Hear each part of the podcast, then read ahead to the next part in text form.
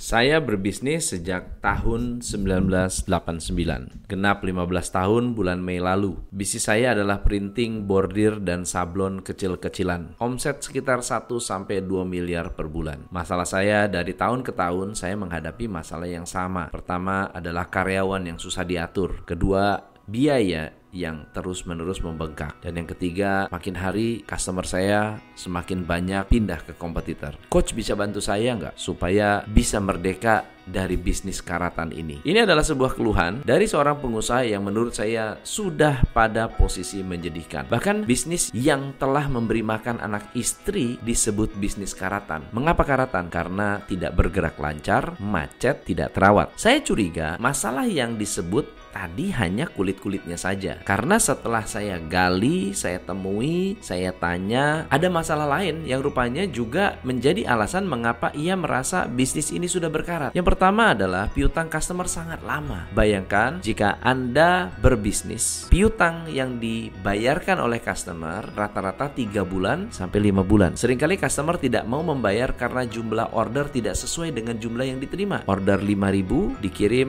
4500 atau kadang-kadang lebih. Tapi kalau lebih customer nggak pernah komplain. Biaya pegawai bukan satu-satunya masalah. Biaya pemborosan di berbagai divisi juga ternyata terungkap mulai dari pembelian tinta, cat yang berlebihan, reject screen, rework, koreksi manual, quality control yang harus lembur terus-menerus, melakukan koreksi, revisi, rework dan akhirnya membuat perusahaan ini harus tambah karyawan. Belum lagi leader yang keluar masuk. Belum lagi ada leader yang melakukan penyalahgunaan keuangan, yang menjalankan orang keuangan pula. Ada customer yang membayar, dibilangnya belum membayar, ternyata uangnya masuk ke kantong pribadi. Nah, solusinya apa? Kalau kita ingin merdeka dari bisnis yang bermasalah, tentunya membutuhkan komitmen yang sangat-sangat besar untuk memperbaiki bisnis ini. Ada tiga komponen besar yang harus Anda pikirkan jika Anda ingin terbebas dari masalah-masalah bisnis. Nomor satu, mental yang tepat, yang kedua sistem yang tepat, dan yang ketiga Anda harus siap untuk memangkas semua jenis pemborosan. Satu-satu ya saya bahas ya. Mental entrepreneur yang tepat. Apa maksudnya? Entrepreneur sukses sadar bahwa bisnis harus dibangun berdasarkan blueprint, cetak biru yang jelas. Saya mengajarkan ini berulang-ulang kepada banyak sekali uh, pengusaha. Tujuan besar dari blueprint adalah membantu Anda memiliki bisnis yang bertumbuh dengan benar. Nah, mentalnya mental apa? Mental pembelajar, bukan mental menyalahkan orang, bukan mental menyalahkan karyawan. Mentalnya adalah terbuka dan mau berubah. Yang kedua harus mau menemukan the right system. Yang saya maksud dengan sistem bukan teknologi, bukan komputerisasi, bukan software, tetapi sebuah proses yang akan membantu Anda menjadi perusahaan